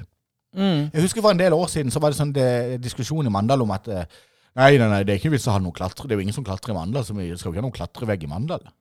Nei, men det er jo, det er jo ikke noen klatrevegg. Først og fremst få noe på plass denne klatreveggen. Akkurat sånn som de gjorde med tennisklubben nå. Nei, det er jo ingen som spiller tennis i Mandal lenger. Det er jo ikke noen vits å fikse opp tennisbanene. Og så lager de fire flunk nye, deilige, fine tennisbaner. Og hva har skjedd? Jo da, Mandal Tennisklubb har eksplodert i medlemmer. Ja, ikke sant? Så det henger i Det spiller jo alle veier. Vi må legge til rette for det. Kommunen må legge til rette for Men det. hvem er det som er det? For vi, husker Lindesnes kommune, og det var en egen kommune, så hadde vi jo en fantastisk ungdomsarbeider i den kommunen, som arrangerte konsert konserter og, eh, og, Mm. og sånn, til, sånn eh, ungdomsdiskotek oppe på Skjøllingstad, Ullvarefabrikk. Mm. Kjørte opp med busser med, med ungdommer som var der oppe. Og så dessverre så gikk jo han bort. Mm. Eh, men hvem, hvem Har kommunen en ansatt ungdomsarbeider som kan sette i gang sånne ting? Ja, det, det tror jeg kanskje. Dette et eh, Dette ligger nok under embetet til eh, kultursjef Alfred Solgård. Eh, og så vet jeg jo at eh, Anette, som jobber på Innklubb, er jo ekstremt dedikert. Men det er liksom bydiskoteket. Altså byfritidsklubben. Mm. Eh, så de må, de, må, de må ha mer fokus på å flytte dette tilbudet ut. Husker jo Før i tida så var det gutteklubben, det gikk jeg på. Men gutteklubben, det, det går nok ikke an i 2022 eh, å kalle seg for det. Men det var sånn Nei. en klubb som var på eh, en barneskole. Så kunne du gå ned der i sløydhallen der. Ja, jeg hadde jo ingenting der å gjøre. Jeg tror jeg var der én gang. Andre, men jeg skjønte jo her har ikke jeg noen ting å gjøre. Ja, Du kunne hatt sløydklubben. Så kunne alle komme ned der og høvde litt og spikke litt og lære noen gamle Akkurat. gnurebøker. Ja. Eller Ja, ja. håndarbeidklubben. Jeg ville jo heller ha vært del av den og så sydd noen flere puter og forkle. Eh, Min mor har jo så mange forkle, for jeg bytta ut alle sløydtimene mine med håndarbeid. Jeg prøvde å luske meg inn i håndarbeidsavdelinga. Jeg var bedre til å hekle og sy. Og ikke fordi at alle jentene var der, men fordi at du likte å sy og hekle. Ja, Og så hater jeg å være i sløydrommet. Ja, jeg var veldig sant? redd for alle de høvlene og maskinene. Men én ting Buen er god på. Ja. Eh, de har sånn LAN-party. Ja, det er kult. Ja, Veldig det, bra. det har blitt veldig populært, og det er kjempebra, Ja. eh, det de gjør der. Ja. Men ukentlige tilbud ute i distriktene, og da snakker vi ikke så veldig langt ut av distriktet nødvendigvis, men til Ime, Skjepstad, Frøysland, disse bydelene Mm. rundt i Mandal, får etablert noen gode ukentlige fritidstilbud. Ja. Ja. Min hjertesak er E39. Ja, Jeg har kjørt på den nye veien. Ja. Det er jo fantastisk. Når jeg kjører på veien der, så, så ser Det er bygd på to år. Og når Mhm. du kjører over den nye Trysfjordbrua ja. og gjennom den tunnelen som er fire kilometer lang Jeg blir imponert, altså. Ja. For en jobb de har gjort. Og jeg har veldig lyst til å ha han der Nils Bernt Rinde. Mm. Han kunne godt hatt som gjest til Skjærgårdspodden og så fortelle litt. For jeg, plutselig begynte jeg å bli nysgjerrig. Hvorfor har, de, hvorfor har broa uh, hell? Ok. Og hvorfor er den fire kilometer lange tunnelen Han er liksom i en svak bue hele veien. Okay. Så du kan aldri se enden. Du kjører bare i en lang sving på en Ja. måte. Er, det, er det strategi? Er det grunnet ø, noe som er over? Er det vann Ja. over, så de måtte svinge inn i fjellet? Dette er jeg nysgjerrig på, kjenner jeg. Ja. Så Nils Bernt, hvis du hører på, ta kontakt. Vi trenger mer info. Ja. Eh, du har ikke lyst til å lage en, eh, eh, en eh, spalte, eller en eh, egen pod... eh, Jo, en skjærgårdsprat med Nils Bernt. Ja, eh, eller eh, Loland og veinettet. ja, Minutt for minutt. Minutt for minutt. Ja. Nei, men jeg, jeg, jeg kjørte jo den nye veien, eh, men jeg er jo litt, med, litt hakket mindre interessert. Men allikevel så var jeg jo eh, veldig nysgjerrig på hvordan dette her skulle foregå. Så jeg var på vei ned fra julebordet som jeg hadde vært på oppe i Valle. Og da valgte jeg å kjøre Kristiansandsveien istedenfor å kjøre ned dalen. Så kjørte Ja. jeg ned til Kristiansand, for jeg tenkte nå skal jeg teste ut den nye veien. Og så plutselig så kom jeg ut med en barneskole. Men så slo det meg jo at det kanskje ikke er så gunstig å kjøre der klokka ti på kvelden, når det er kålmørkt, og så få opplevelse av den nye veien. Ja, for jeg merker at du merker nesten ikke at du kjører bil. Nei. Du bare sitter der, som et tog nesten. Og det bare går Ja, og det, og det gikk jo himla fort. Ja, ja, du, jeg klarer ikke å beregne tida lenger inn til Kristiansand, for det, at, uh, det går så fort. Men det, er- fordelen er at jeg kommer jo alltid lenge for tida, og det er jo faktisk en fordel av og til. Ja. Og ikke alltid være seint ute. Ja. Men også er det jo julegavetips. Det er jo hjertesak. Eh, Man kan ikke gi hva som helst vekk til jul. Tenk deg litt om hva dere gir vekk. Jeg husker en gang jeg fikk en gullfisk, og er veldig glad for det, men så drukna han tredje jul. drukna han? det jo, det, da blir det en trist opplevelse igjen. Men drukna han? Mm. Kunne han ikke svømme? Ja, Og så fikk jeg en gyngehest. Ja. Eh, det var noen år seinere, og, og den døde jo Å ja. rett etter nyttår. Hva sier du det? Ja. Triste greier, altså. Så man må jo tenke seg litt om Ja. hva man gir vekk. Men hva anbefaler du at folk gir vekk, da? Nei, eh, sånn eh, Hva en, vil du ha? en, en bok. Ei bok? Ja. For det er jo en historie i seg sjøl. Ja, ja. Ja, Men ikke ei trist bok, for da kan jo det bli leit.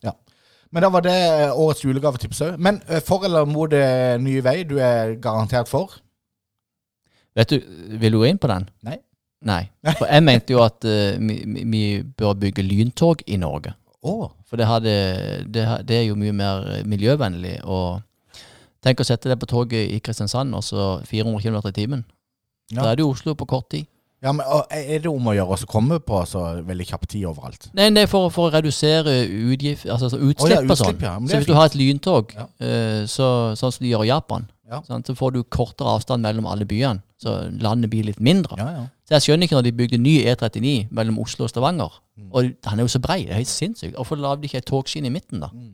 Så kan du bare ha både togbane, og de klarte jo å bygge tog på 40-50-tallet òg. Men det, gjør det noe med opplevelsen til folk? Uh, for, og det er jo klart at folk kan godt velge å kjøre gamleveien, men så gjør man ikke det likevel. Men jeg husker da jeg var barn og vi kjørte til Bergen og kjørte over fjellet. Det var en magisk opplevelse. Så jeg husker jeg en gang så kjørte vi kystveien. Så tenkte jeg bare, dette var litt kjørt. Ja. Over til Stavanger, og, så, og med ferje over, så plutselig var du i Bergen. Men over Haukeli og ned Røldal, altså de, i Setesdal, Ja, ja, det er jo flotte og Har- opplevelser. Hardangerfjorden. Ja, ja. Altså, det er jo ekstreme opplevelser. Og vi mister jo litt eh, den feelinga. feelingen Men tenk den nye hovedveien, motorveien inn mot Oslo, da, Ja. eh, som kom for noen år tilbake. Så har det vært null dødsulykker på den. Har du det? Og tidligere så var det sånn åtte-ti år eller noe sånt. Og Så det veldig, sparer jo mye liv, dette. absolutt. Og med det så avslutter vi ukas Hjerte til hjerte. Ja.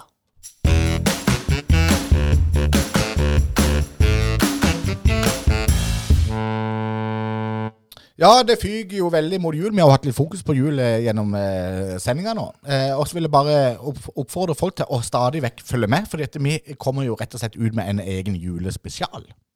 Ja. En bonusepisode som bare er fylt med julestoff. Ja, vi har, lyst til, vi har lyst til å tilbringe jula sammen. At vi kan være en del av ditt, din, din lille stue der du sitter. Så kommer vi inn i stua, og så feirer vi jul i sammen. Ja, og der hadde du egentlig et veldig godt forslag. For jeg lurer på om ikke du foreslo at denne burde komme ut på selve julaften.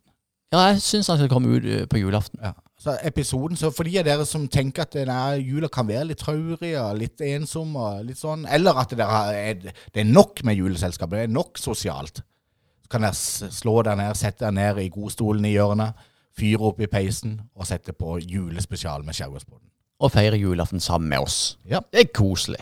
absolutt. Men må vi, vi må gjøre den litt sånn tidløs, da, sånn at, ikke, sånn at vi kan kose seg første da òg. Ja, det, det er viktig. Det er ikke lov å si ja, i kveld er det julaften. Nei, Det kan vi ikke. nei, det kan vi ikke gjøre. Men vi kan si nå er det jul, Det, det er og nå skal vi kose oss. Ja, ja. Det, det, det, det, kan, det kan vi absolutt. Det er fint å ta med alle lytterne våre på regiplanlegginga når vi holder på å planlegge episodene. Ja. Men eh, tusen takk for at dere fremdeles orker og gidder å følge med på det vi har å drive med. Og vi kommer med mye spennende nå i tida som kommer, så det er bare å følge med. Ja.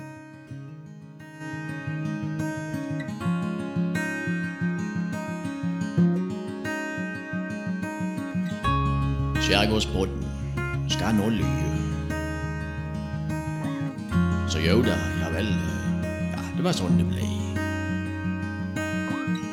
For Loland lurer på så mye. Og Endre Thomsen viser vei. Så ja da, jo da, men alliavel. Nei da, så Nei, vi må, vi må labbe hjem nå, for vi skal ete. Neste gang skal vi ha alt på stell. Og vi håper du ønsker å være til stede.